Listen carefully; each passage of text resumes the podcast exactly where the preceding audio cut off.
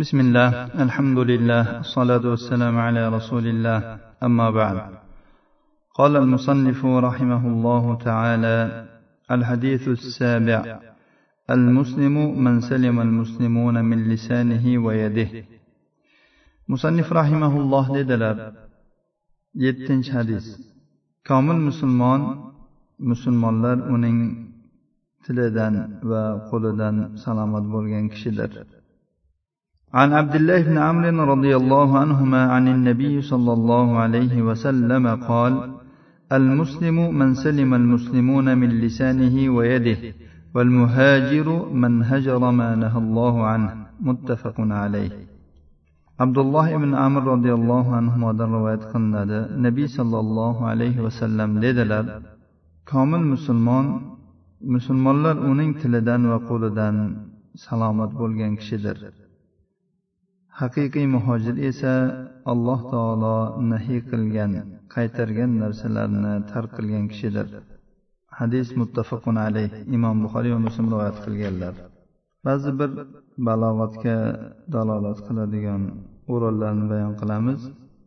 Bu yerda so'z o'rniga til bilan ta'bir qilinishda bir nuqta borki masalan masxara qilib tilini chiqarish ham buning ichiga kirib ketaveradi.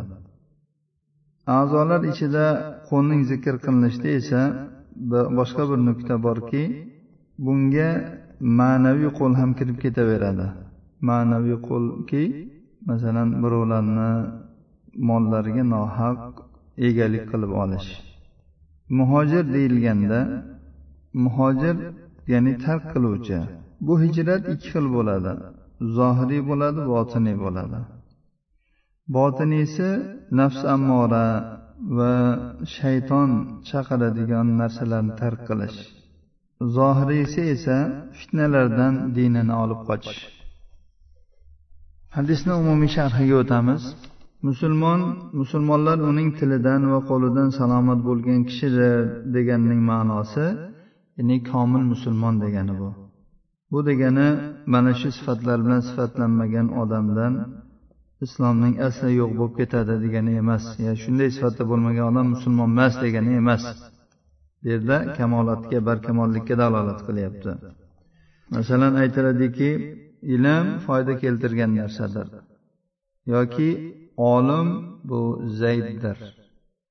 Ya'ni bu yerdagi ma'no ya'ni eng mukammal eng komil yaxshi ko'rilgan mahbub degan ma'nodadir. Arablarda aytiladiki annasu al arab odamlar arablardir yoki mol tuyalardir. Bularni har biri ya'ni afzallikka dalolat qilmoqda. Ya'ni odamlarda afzali arablar mollarning eng afzali mol dunyoni afzali tuyalar degan ma'noda. Biz zikr qilgan hadisning ma'nosiga musulmonlarning qaysi biri yaxshiroq degan so'zi ham dalolat qiladi. So'raldi shunday deb. Musulmonlarni yaxshirog'i kim deb so'ralganda musulmonlar uning tilidan va qo'lidan salomat bo'lgan kishi deb javob berdilar. Musulmonning va islomning kamoloti bundan boshqa juda ham ko'p xislatlarga ham bog'liqdir. Bu yerda til va qo'ldan salomat bo'lishlik shunga bir o'ziga xos bir ehtiyoj bo'lganligidan aytildi xolos. Ushbu hadisni tushunish rasululloh sollallohu alayhi vasallamning hijratlarining tarixiga bog'liq bo'lgan tarixiy jihatlarni ham o'rganishga va asllari qahtondan bo'lgan avsh va hazraj va islomga birinchilardan bo'lib kirgan makkadagi va uning atrofidagi asllari adnondan bo'lgan muhojirlardan iborat madina aholisining holatini o'rganishga ehtiyojli bo'ladi. Rasululloh sollallohu alayhi vasallam madinaga hijrat qilganlari va ansonlar u kishiga yordam bergan paytlarida adnon va qahtondan iborat arablar islom bayrog'i ostida jamlanishdi. Bunga qo'shimcha o'laroq madinada yahudlarning uchta qabilasi banu qaynuqo banu nadir va banu qurayda mavjud edi. Ularning qo'rg'onlari va qishloqlari bo'lib ular ana shu yerlarda jamlanib mustaqil holda hayot kechirishardi. Yahudlarning avs va hazrajga bo'lgan aloqasi shaxsiy manfaatlarga bog'liq edi. Ular qachonki o'zlari uchun bir foydani ko'rishadigan bo'lsa darhol bu ikki jamoa o'rtasida urush olovini yoqishardi. Mana shu yo'sinda hazraj bilan avs o'rtasida juda ham ko'p janglar bo'lib o'tgan. Ularning boshlanishi samir jangi deb ismlansa oxirgisining ismi buos edi. Bu hijratdan besh yil avval sodir bo'lgandi yahudlar o'z tomonlaridan avs va hazrat o'rtasida fitna solish va kelishmovchilik omillarini qo'llab quvvatlash hamda ularni o'zlari bilan o'zlarini mashg'ul qilib qo'yish uchun o'zaro hasad ruhlarini uyg'otishga harakat qilishardi. Mana shu kabi irqchilik va tarafkashliklar o'rtasida islom mo'minlarning hammasini birodar deb e'lon qildi. Innamal mu'minuna ixva dedi. Mo'minlar birodardirlar. Suhayli aytadiki rasululloh sollallohu alayhi vasallam madinaga kelgan paytlarida o'z ashoblarini birodarlashtirib qo'ydilar. U zot bu bilan ulardan g'ariblik tuyg'usini ketkazishni va qavm qarindosh oiladan ajralishga ko'niktirish va ular bir birlarini quvvatlashlarini xohlagandilar. Nabiy sollallohu alayhi vasallam mana shu birodarlikdan boxabar bo'lish uni o'stirish yana ham chuqurroq o'rnatishga haris edilar. Ushbu birodarlikning musaffoligini odatda bu kabi aralash muhitda ro'y berib turadigan arzimagan kelishmovchiliklar loyqalatib turardi. Jobirdan rivoyat qilinadi aytadiki ansor va muhojirlardan bo'lgan ikkita yosh yigit urushib qolishdi. Shunda muhojir yoki muhojirlar ey muhojirlar deyishdi. Ansoriy esa ey ansorlar deb nido qilishdi. Rasululloh sollallohu alayhi vasallam buni eshitib tezda yugurib chiqdilar va aytdilarki bu nimasi? Johiliyat ahlining chaqirig'imi? Ular yo'q ey rasululloh faqat mana bu ikkita yosh yigit urushib qolishdi. Ulardan biri boshqasini orqasiga urdi yoki tepdi deb aytdilar. Shunda u zot hech qisi yo'q dedilar. Kishi birodariga zolim holatida ham mazlum holatida ham yordam bersin. Agar zolim bo'lsa uni qilayotgan zulmidan qaytarsin. Bu unga yordam bergani bo'ladi. Agar u mazlum bo'lsa unga yordam bersin. Ushbu hadis rasululloh sollallohu alayhi vasallamning ushbu o'sib kelayotgan yangi birodarchilikni bardavom bo'lishidan boxabar bo'lishga o'ta haris ekanligiga ishora qilmoqda. U zot tezda hodisa ro'y bergan joyga yetib keldilar. Va bu nimasi johiliyat chaqirig'ini qilyapsizlarmi deb buni inkor qildilar. Qissadan boxabar bo'lgan paytlarida va bu ish ikki yoshning o'rtasida bo'lganligini bilgan paytlarida u zotning hayajonlari bosildi.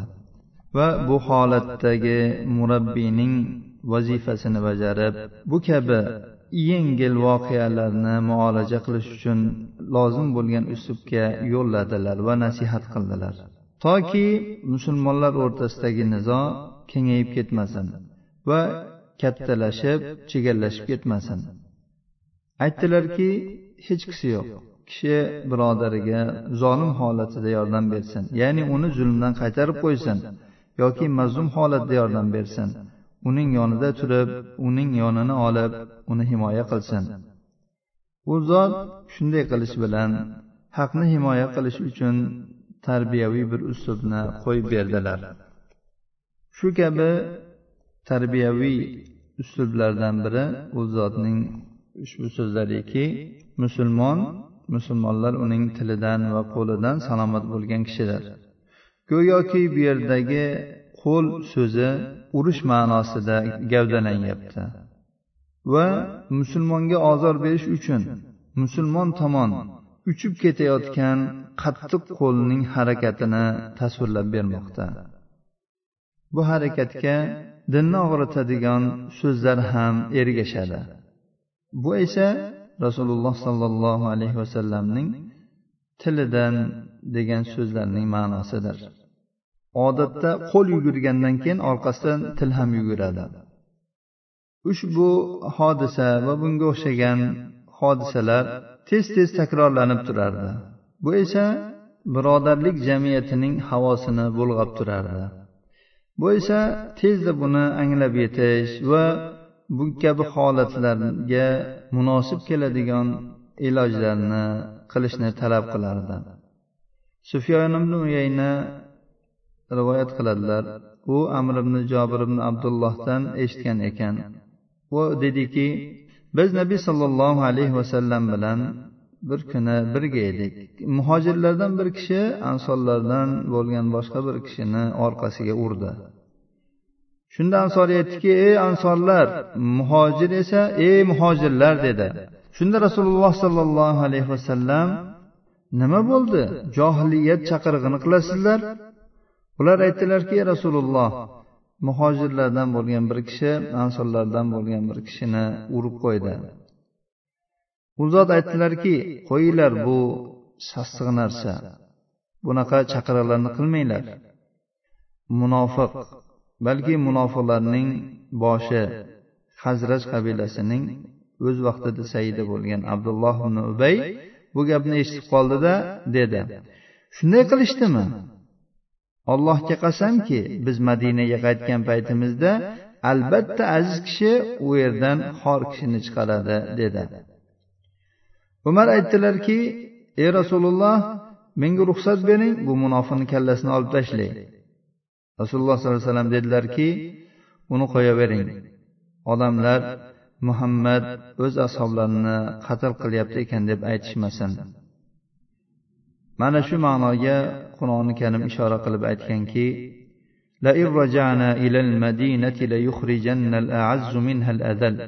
biz madinaga qaytadigan bo'lsak albatta aziz kishi xorni u yerdan chiqarib yuboradi deb bu munofiqni gapini qur'oni karim keltirgan. Bu hodisa va bu kabi hodisalar tez tez ro'y berib turardi. Bu esa madina jamiyatining musaffoligini bulg'ab turardi buning bir necha sababi bo'lgandi. Birinchisi madinada yahudlar va munofiqlarning mavjudligi va ularning birodarlikning xatari va ahamiyatini yaxshi bilganliklari edi. Ya'ni agar musulmonlar birodarlashib qoladigan bo'lsalar bu ularga nisbatan yaxshi emasdi. Ikkinchisi avs va hazraj o'rtasida ro'y bergan qadimgi janglarning asoratlari. Uchinchisi arablar qurayshga va ahli makkaga aqidada va diyonatda tobe edilar. Ular qurayshga xuddi baytullohning nazoratchisi posboni deb va dinda dinning arboblari hamda e'tiqod va ibodatda namuna deb qarashardi. Quraysh avs va hazrajning banu qahton bo'lganliklari va sof arab bo'lganlari uchun ularni sharafini e'tirof qilardi va ular bilan quda andachilik qilishardi. Biroq qurayshliklar o'zlarini ulardan ko'ra afzalroq deb bilishardi. Utbad ibn rabia badr kunida ansorlardan bir nechta yigitlar yakkama yakka olishuvga chiqqan paytlarida aytganki ey muhammad bizga o'z qavmimizdan bo'lgan bizga teng kishilarni chiqar. Shunda rasululloh sollallohu alayhi vasallam ey abu ubaydat ibn al horis turing ey hamza turing ey ali turing deb ularni chiqarganlar. Shunda o'tba aytganki ha bular muhtaram bizga teng keladigan kishilardir. Darsimizni shu yerda to'xtatib turamiz. Qolganini kelgusi darsda davom ettiramiz inshaalloh